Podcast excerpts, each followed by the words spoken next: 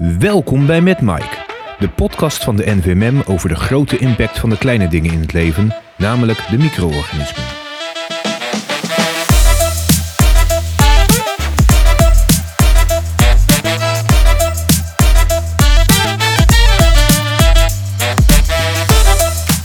Ik ben Wiesel Hira.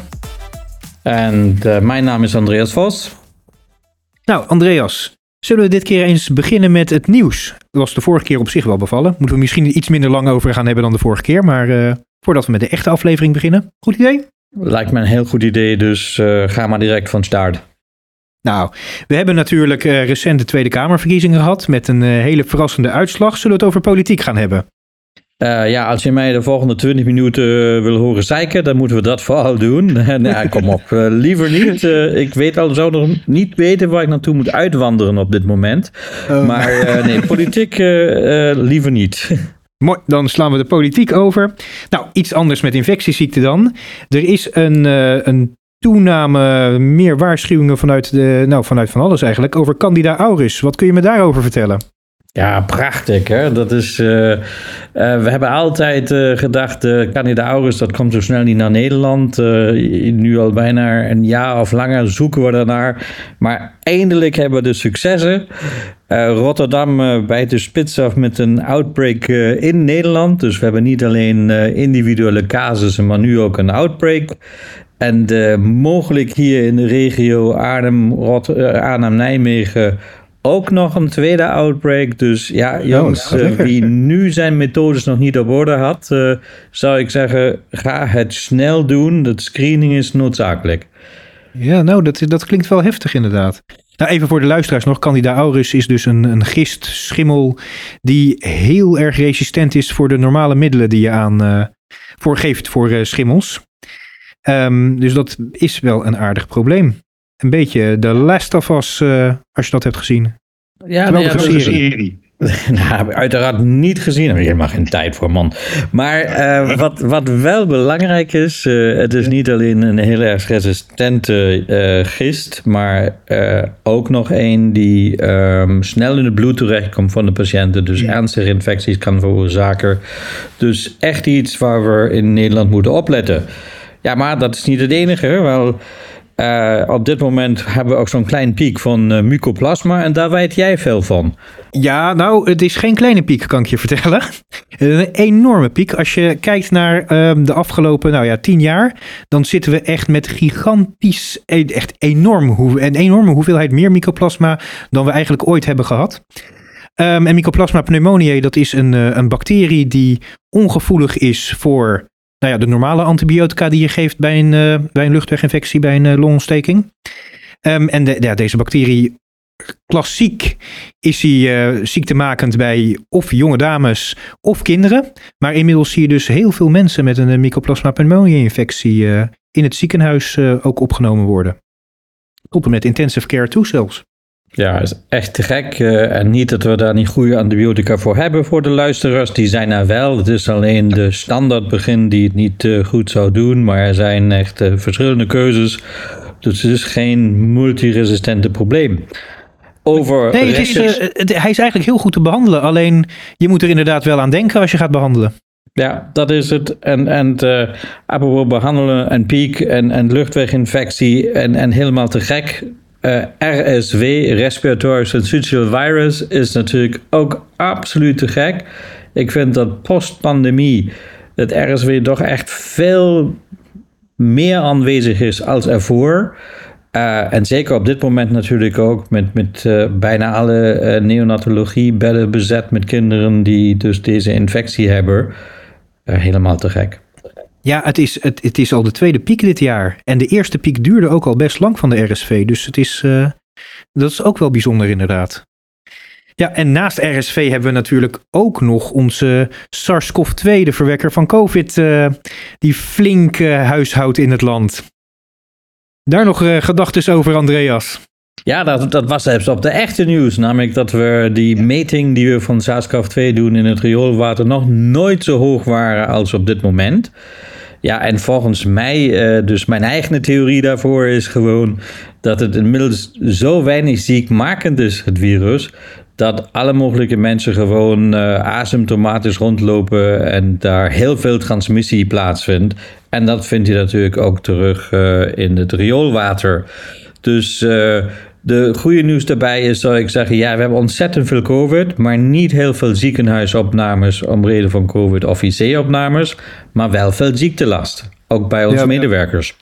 Ja, klopt. En isolatie natuurlijk. Hè. Die mensen moeten ook nog, ondanks dat ze voor een, voor een gebroken been komen, moeten ze inderdaad nog wel geïsoleerd worden. Ik denk trouwens, eh, ook een beetje eh, in dezelfde lijn als jij eh, filosofeert over de COVID-rioolwaterpieken, dat het misschien ook nog komt omdat de infectieuze dosis van COVID eigenlijk veel hoger ligt dan dat het vroeger lag dat je gewoon meer deeltjes nodig hebt om geïnfecteerd te raken. En dat je daarom misschien wel meer, meer in het water ziet.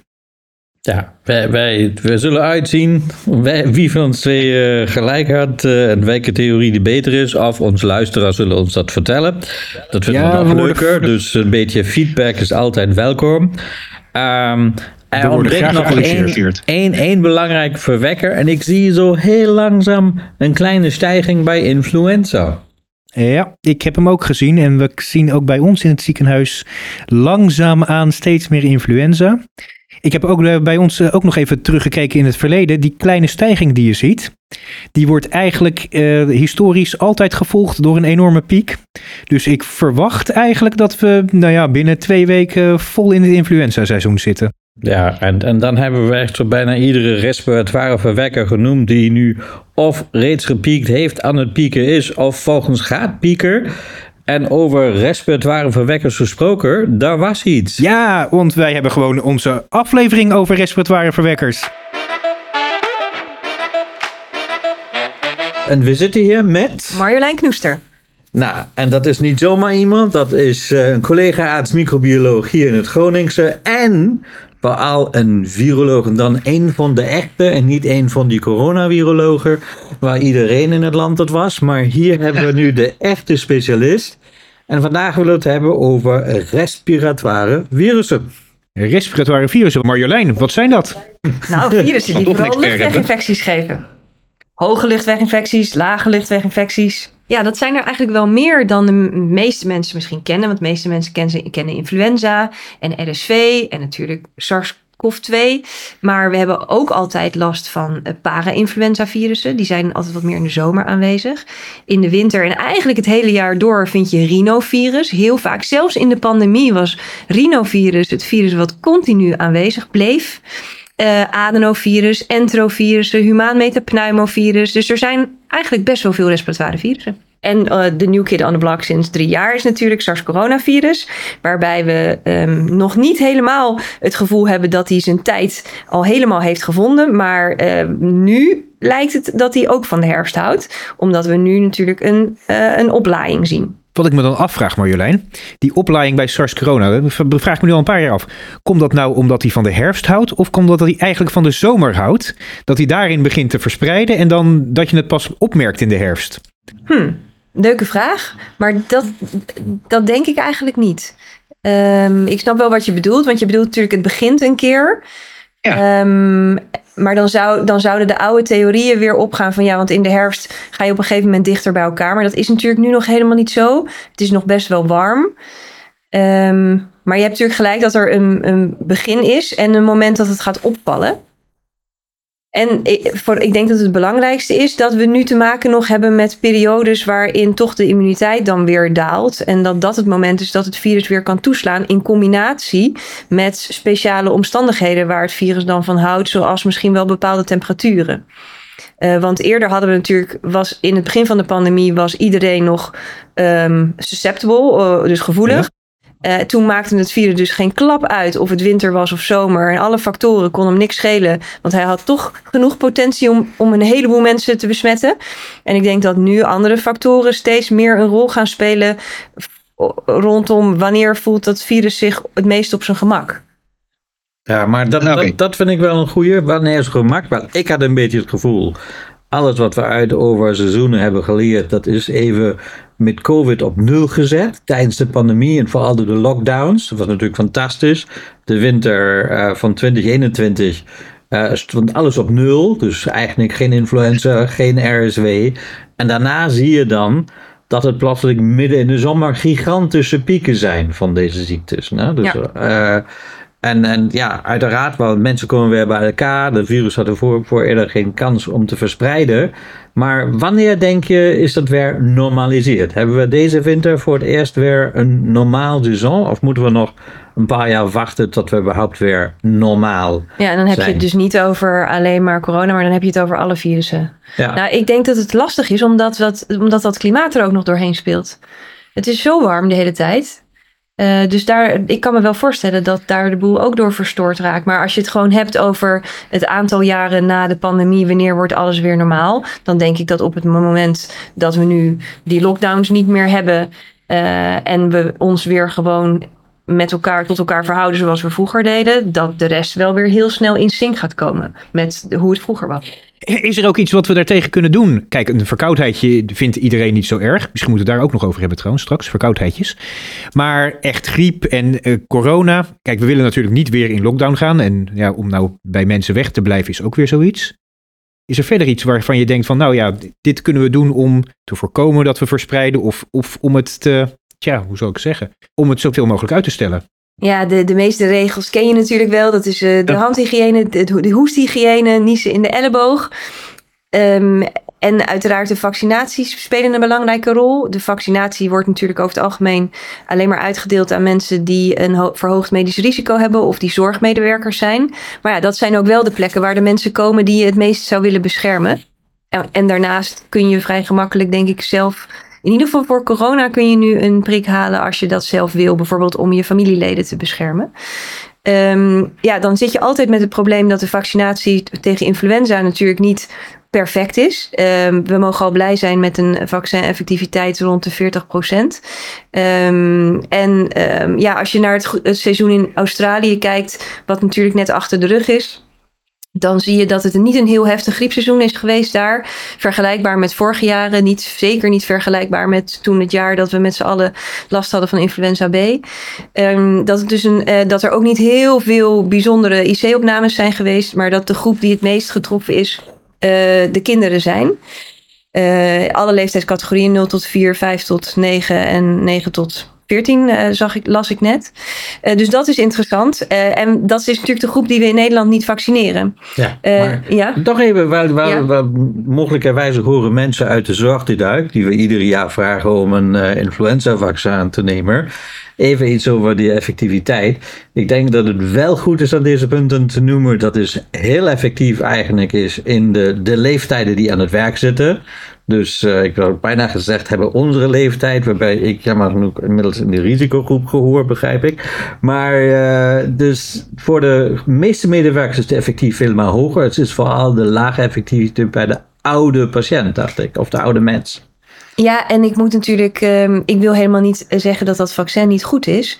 Uh, want het is natuurlijk als heel veel mensen zich laten vaccineren, dan heb je alsnog dat je iets aan immuniteit uh, hebt in de samenleving, waardoor er, of in de samenleving op je werkplek, waardoor er in ieder geval minder mensen ziek zullen worden en minder overdracht zal plaatsvinden. Die overdracht wordt natuurlijk niet helemaal geremd. Um, maar die 30 of 40 procent die ik noemde, is ook het meest negatieve scenario. En daar ga ik even vanuit, omdat ik dan zo eerlijk ben om dat toe te geven, dat het vaccin niet altijd perfect is. Maar als we natuurlijk geluk hebben in een jaar dat het virus goed matcht, en dat was in Australië het geval, daar was uh, influenza A matchte, als ik het goed heb gelezen, 8, met 98 procent. En de influenza B voor 83 procent. Ja, dat zijn natuurlijk getallen waarvan we dan denken, hé, hey, kijk eens even, uh, daar bereiken we wat mee. Het lastige is alleen dat je dat van tevoren niet weet. En daarom um, de, bracht ik het wat voorzichtig. Maar natuurlijk is ons advies nog steeds in de zorg om je zoveel mogelijk laten, te laten vaccineren. Om ervoor uh, te zorgen dat we onze patiënten zoveel mogelijk kunnen beschermen. Want die patiënten laten zichzelf ook vaccineren. Daarbij is het ook niet perfect. Maar samen bereik je hopelijk wel iets. Ja. De coronavaccin, dat heeft natuurlijk een wel wat hogere vaccineffectiviteit. Dus dat is ook heel verstandig voor zowel patiënten als medewerkers in ziekenhuizen. Als mensen die uh, om, om familieleden willen beschermen om dat vaccin te halen. Uh, dus ja, dat kan je eraan doen. Voor RSV is er natuurlijk ook net een vaccin op de markt. In Amerika wordt dat al uitgebreid uitgedeeld. In Nederland zijn we altijd wat kritisch en gaan we eh, terecht ook natuurlijk gaan we kijken, ja, wie hebben dat echt nodig en waar ligt de ziektewinst? Uh, en is dat advies, uh, is er nog geen advies voor zover ik weet, om, om ouderen daadwerkelijk te gaan vaccineren. Maar het is in ieder geval goedgekeurd voor die indicatie. Ongelooflijk leuk met zo'n gast. Hè? Je, je moet helemaal ja, niks meer vragen of zo. Iedere vraag die ik hier voor mij heb, die wordt dan automatisch in één keer beantwoord. Dus af en toe moeten we haar onderbreken. Sorry beste luisteraars. maar anders gaat het in één keer door. Daar hebben we ook nog willen. Maar je, ik vind het wel leuk met het RSW-vaccin. Want daarmee was je bezig voordat ik jou gewoon maar zo geïnterrupeerd heb. Of hoe dat heet. Maar um, ja, denk je wel dat het nog komt in Nederland?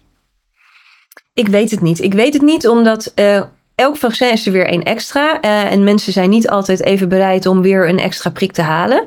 Um, RSV heeft natuurlijk vooral geeft vooral problemen bij baby's en vooral bij premature baby's. Dus ik denk dat er, daar gaat heel goed gekeken naar worden, gekeken worden naar of het verstandig is om het RSV-vaccin te geven aan uh, moeders op het moment dat ze nog zwanger zijn van de baby.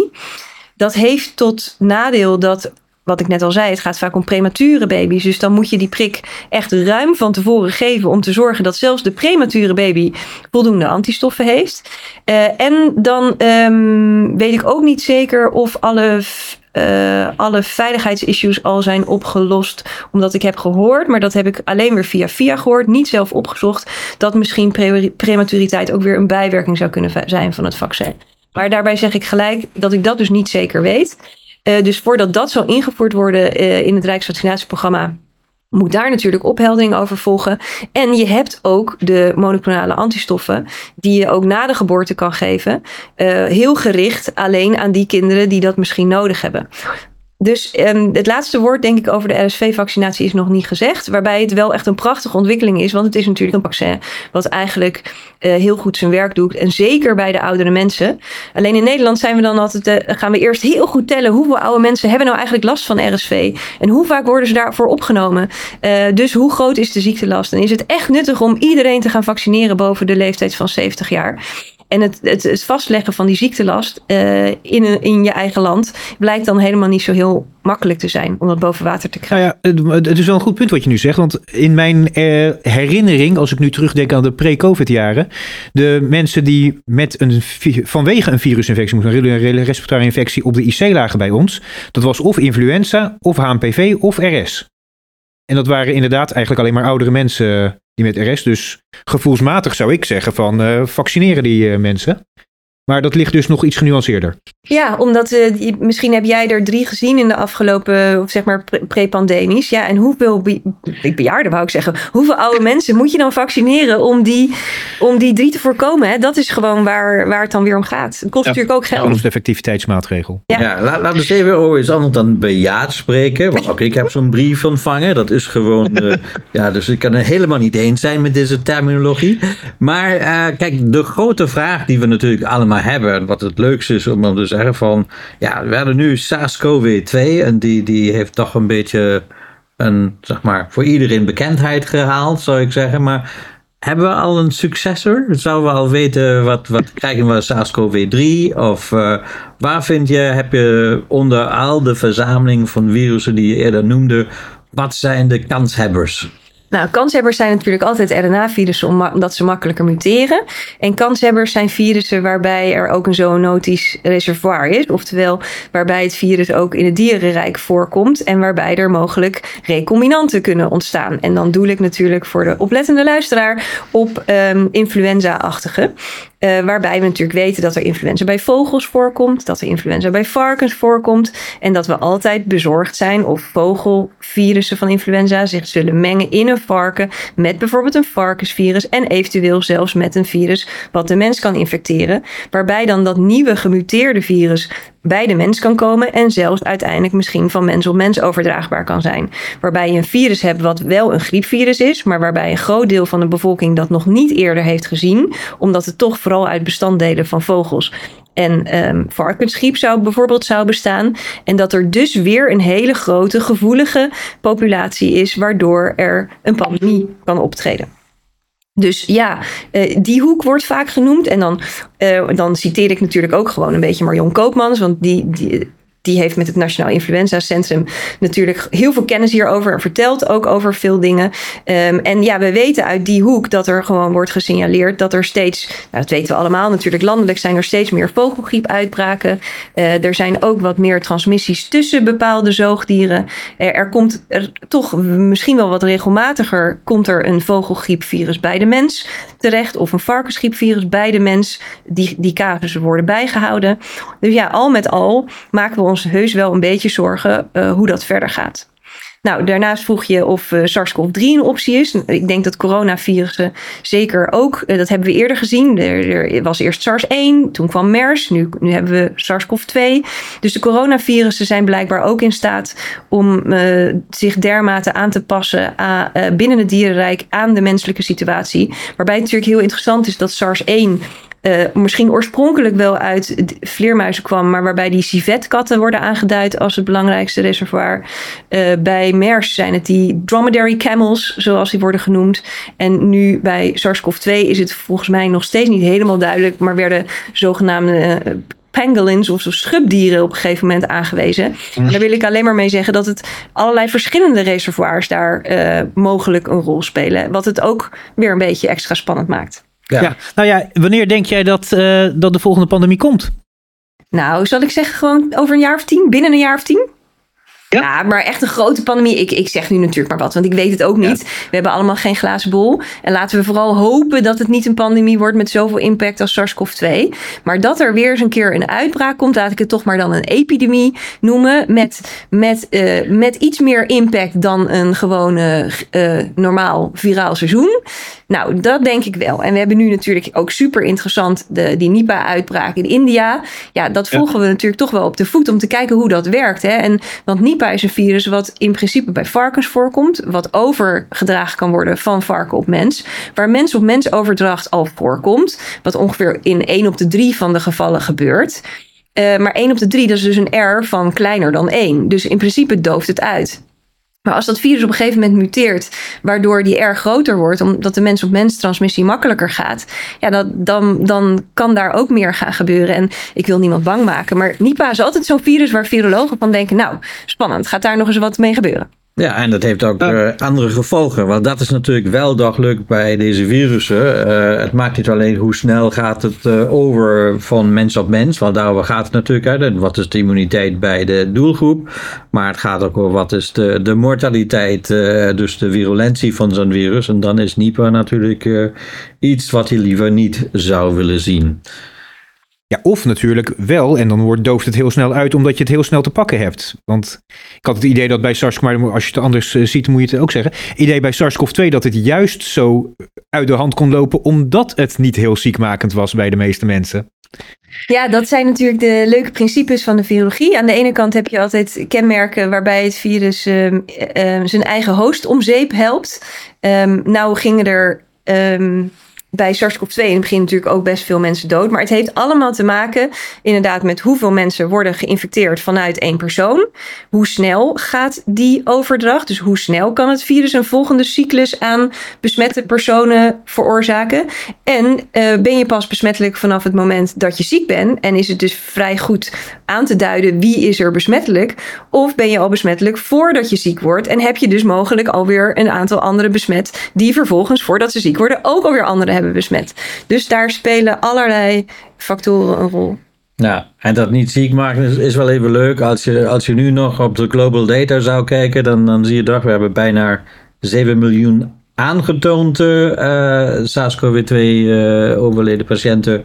Dus uh, ja, dus de impact is toch enorm. Want we hebben het alleen over de aangetoonde. En we weten natuurlijk dat in heel veel landen eigenlijk niet getest is, niet gerapporteerd wordt. Dus de impact ook van iets met een mortaliteit van 1 tot 2 procent, waar het uit was, daar is nu gelukkig al lang niet meer, is toch enorm als het zo'n bevolking treft. Dus het is echt, uh, ja, ik was nooit zo'n grote fan van de virologie. Uh, het core voor ons vak is toch echt de bacteriologie. Ja, ja, Daar is het leuk. De infectiepreventie. Maar goed, je ziet toch dat het echt nuttig is om daar meer over te weten.